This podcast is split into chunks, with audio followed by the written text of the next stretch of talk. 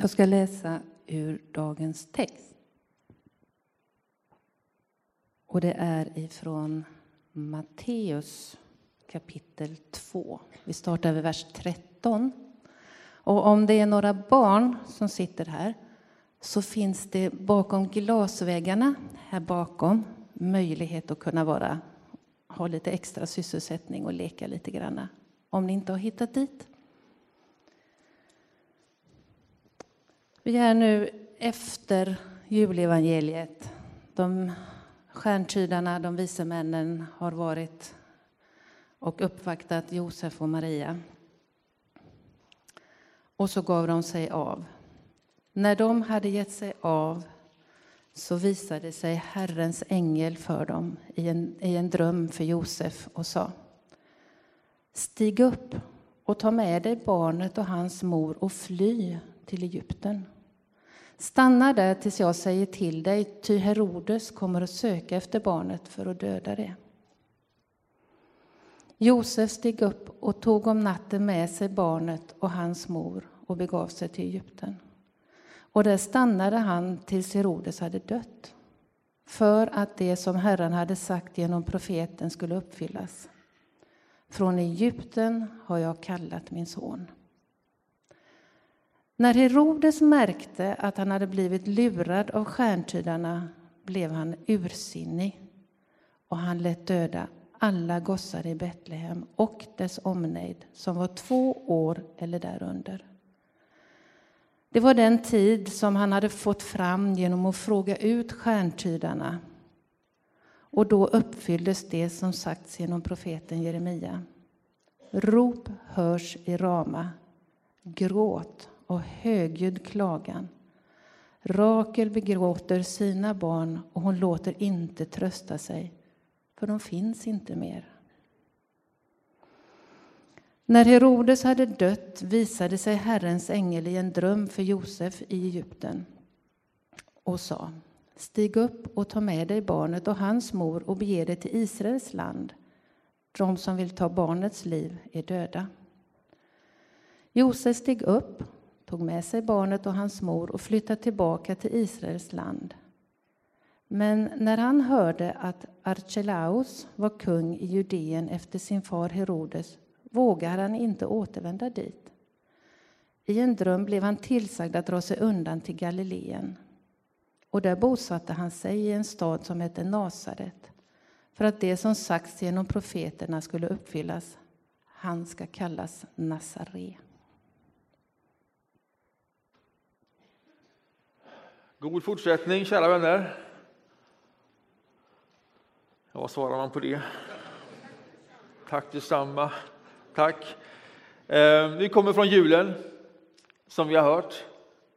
Julevangeliet är läst och budskapet som handlar om hur Gud blir människa, hur Guds son föds in i världen. Och sen eh, kommer man till denna söndag som har rubriken Just Guds son. Och det temat har ett dubbel betydelse. Det betyder naturligtvis precis vad det står. Det handlar om Guds son. Det handlar om Jesus, han som föds, det som gör att vi firar jul. Men det handlar också om oss som Guds barn. Det är ofta så att det som gäller Jesus också gäller oss. Att det som är hans väg också är vår väg. Där ligger en stor hemlighet. Så har vi hört evangeliet läsas om hur Jesus, om hur Guds barn börjar sitt liv och sin tid på jorden som ett av dessa flyktingbarn. Det är en berättelse om hur familjen lotsas på flykt förbi alla faror det som för många blir med dödlig utgång. Men hur Guds hand vilar över just denna familj och just detta barn. Det är det som gör också till en svår berättelse. Med så många barn som får sätta livet till. För att någon vill komma åt detta enda barn. Guds barn. Men Gud håller sin hand över honom och över familjen. Och sen lotsar de sig fram. Och det är inte så att den familjen, Josef och Maria, undkommer allt lidande. Nej, de är ju ändå på flykt. De får resa många omvägar. Och ändå kommer de inte dit som de hade tänkt att de skulle komma. När det blev ändå för farligt så hamnar de i en liten by Nasaret, vilket inte var deras första val. Även om Gud tycktes ha tänkt så. Men det var inte så Josef tänkt för sin familj. Det var mycket som inte han hade tänkt för sin familj. Men nu var de här. Det här är berättelsen, det här är evangeliet. Vad är detta för sorts evangelium? Jo, att Guds hand vakar över det lilla barnet, över Guds barn. Och att det sker med ett syfte. För att alla ska få leva genom honom. Och därför är också detta en berättelse, inte bara om Guds barn, om honom, utan om Guds barn, om oss. Som Guds hand vakar över honom, så vakar Gud över oss genom sin son. Det är en sån berättelse också. Liksom Jesus är Guds barn, så blir vi genom tron på honom Guds barn. Så här skriver Paulus i Galaterbrevet, en av de texterna som också finns för den här söndagen, om just det här. Kapitel 4 och vers 4. När tiden var inne sände Gud sin son, född av en kvinna och född att stå under lagen, för att han skulle friköpa dem som står under lagen och vi få söners rätt. Och hade det här varit skrivet idag så hade det stått söners och döttrars rätt.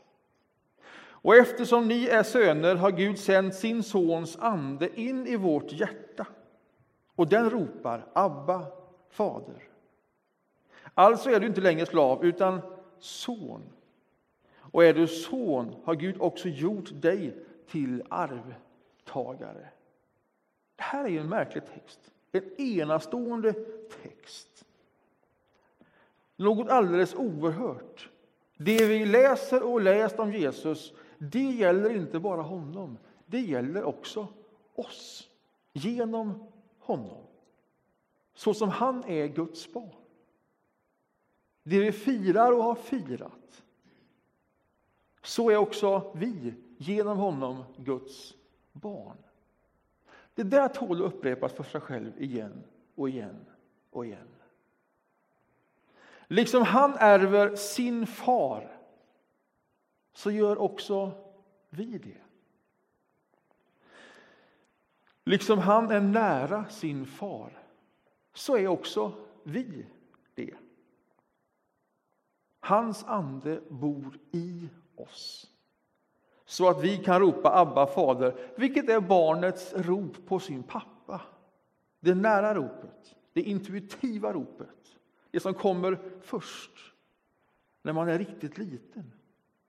Och Det här är inget som kommer med en biologisk födsel för att man är människa. Detta är en andlig sak, en andlig födsel. Det är något som sker när man kommer till tro på honom, Guds barn, på Jesus. När vi då tar emot hans ande och låter honom bli livet i vårt liv. Då blir också vi Guds barn. Vad betyder det här? Vad är evangeliet? Ja, men det betyder ju bland annat att vi inte behöver frukta någonting. Gud vakar över oss som över sin son i en svår tid. När hans familj fick starta med att vara på flykt undan förföljelse. I en tid när flera dog, när våldsamheter och omständigheter var fruktansvärda, så vakade Gud över sin son och hans familj. Så också över oss. Livet kanske inte blir som vi har tänkt och som vi har önskat. Så inte heller för dem. Vi kanske behöver ta omvägar och försonas med att det blev Nasaret av alla ställen där vi hamnade. Men inte ens då behöver vi frukta. Därför hans hand vakar också där över oss, liksom den vakade över dem. Vi behöver inte frukta.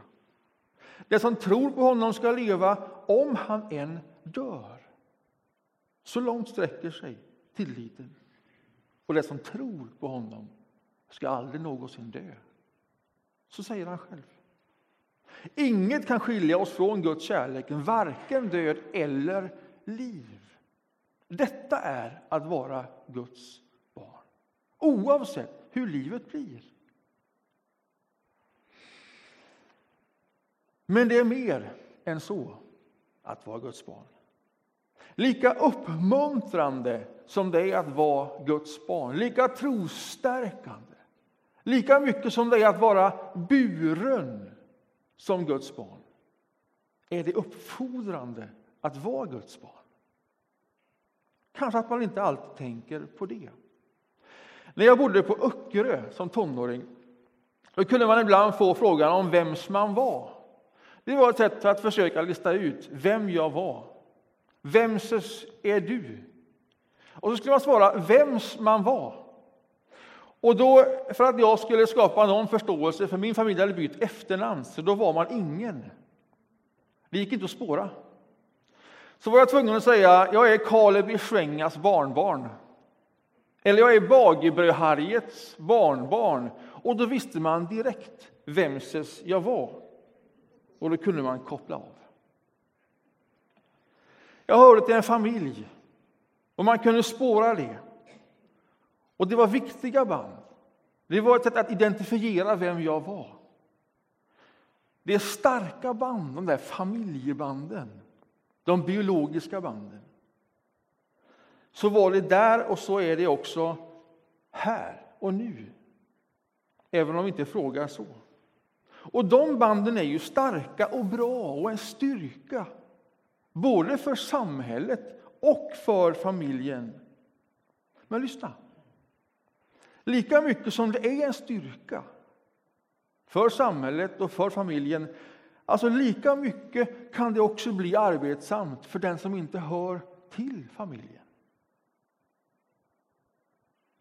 Det finns två sidor av detta mynt. Och det blir ju extra tydligt en, en högtid som över jul, som i så hög grad är familjens högtid. Det är då vi samlas som familj, om vi har någon sådan. Och det är nog få helger på året som kan vara så ensamma som just jul. Av det skälet. Och det här som att vara Guds barn gör skillnad. Därför jag är inte längre bara Kaleb i Schwengas barnbarn. Även om det också är gott. Jag är inte bara Bagebrödharriets barnbarn, även om det är stort. Jag är också Guds barn. Jag har Gud till min far och jag har Jesus till min bror. Det där gör någonting med familjebegreppet. Det där gör att familjen blir större än det som bara går att spåra via ett efternamn. Det där är radikalt. Det utmanar det vi håller fast, som ibland stänger ute. Men som i sig också är gott. Det finns två sidor av det myntet. Det var ju det här som fick den första församlingen att leva så radikalt annorlunda. Att dela vad de hade med varandra. Varför gjorde de så? Därför att familjen hade blivit större. De var ju alla Guds barn. Det var ju helt oerhört detta, att de hade fått hans ande och nu kunde vara nära Gud som han var nära Gud och dessutom Jesus som bror. Detta alldeles oerhörda att få vara Guds barn. Och så växte familjen. Och så delade man det man hade med varann. Som ett naturligt uttryck för just detta. Det var väl det här som Sara berättade om och som hon upplevde i New York. Hon kommer dit utsatt och landar in och får känna där och då att Guds familj är stor och finns där. Att det också är en identitet, lika verklig som familjen här man ser spela idag. När Jesus undervisar på ett ställe och är samlade med lärjungarna omkring sig och fler än dem och någon kommer och trycker sig fram och, och vill förmedla att hans mor kallar på honom och hans bröder så ställer han en fråga till det. Vem är min mor? Och vem är min bror? Som för att använda tillfället för att säga någonting viktigt. Och Sen tittar han sig omkring på lärjungarna, på människorna omkring sig och så säger han det här. Det här är min mor, det här är min bror. Så blev familjen större. Det är att vara Guds barn. När någon upplever kallelse till ett kloster och som en del i det, när man avger sina löften, så tar man också avsked från sin biologiska familj. Man möter den inte så ofta längre, kanske ett par gånger på året. Och när man hör detta, och ibland har det visats på tv, så blir det provocerande för många av oss. Svårbegripligt. Hur man kan stänga den dörren. Och visst är det så. Men man kan också se det som ett profetiskt tecken. Någonting som är djupt grundat i vad det är att vara Guds barn. För när man är Guds barn, då blir familjen större. Det är vad som händer. Och att vara Guds barn är någonting lika verkligt, lika påtagligt som att vara barn i en biologisk familj eller adopterad in i en familj. Att vara Guds barn är både andligt och socialt. Det är både, det är både uppmuntrande och uppfordrande. Och Det här blir påtagligt när människor flyr också nu till Sverige i snabb takt. På samma sätt som Jesus, Josef och Maria fick börja med att fly undan förföljelse. Så här står det i en intervju med Mikael Ribbenvik. Han är Migrationsverkets operative chef. Flyktingströmmen till Sverige ökar snabbt.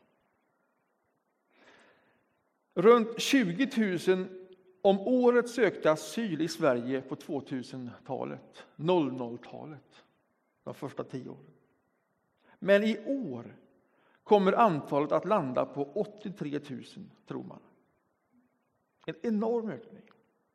Det är ungefär lika många som toppåret 1992 då kriget på Balkan pågick. Nästa år, 2015, räknar Migrationsverket med ännu fler asylsökande, cirka 95 000 människor. Det är 16 000 fler än tidigare prognoser och prognoser revideras hela tiden. Och så säger Mikael Ribbenvik då, det här är en helt annan situation än Balkan 1992. Det var en tillfällig topp. Nu ser vi inte att flyktingströmmen kommer att avta. Konflikterna i Syrien tror vi inte kommer att mattas av. Irak är på väg åt fel håll. Afghanistan är osäkert och vi ser heller ingen ljusning i diktaturens Eritrea. Det är ingen ljus bild. De två kommande åren, bara i Göteborg, så kommer vi ta emot 500 flyktingbarn eller flyktingungdomar. Bara här i vår stad. Vi hade samlat de som är ansvariga i kommunen i frågan i en kväll som vi anordnade med Göteborgs kristna samarbetsråd. För att bara ställa frågan, vad kan vi göra om vi ska göra någonting som kyrkor, som enskilda människor? Tala till oss nu, för då satt vi där, en ganska stor samling människor. Och då säger de samfällt så här, ja det man kan göra, kanske de största behoven just nu, det är gode män, det är tillfälliga vårdnadshavare och det är familjehem. Det vill säga att gå in och bli en ställföreträdande förälder. Att låta sin familj växa på något sätt och omfamna dem som nu flyr för sitt liv och hamnar här. Vad har det med dagens ämne om att vara Guds barn att göra? Ja, men jag tänker mig att det har ganska mycket med det att göra. För Guds barn, det är lika uppmuntrande som det är uppfordrande att vara Guds barn. Det gör att vi inte behöver frukta någonting. Att ingenting kan skilja oss ifrån Guds kärlek. Varken död eller liv. Det är något alldeles oerhört. Vi har Gud till far. Vi har Jesus till bror. Vi är i gott sammanhang. Att vara Guds barn kan också vara det som gör världen mindre ensam och mindre utsatt. Familj blir ett vidare begrepp när Gud är vår far. Amen.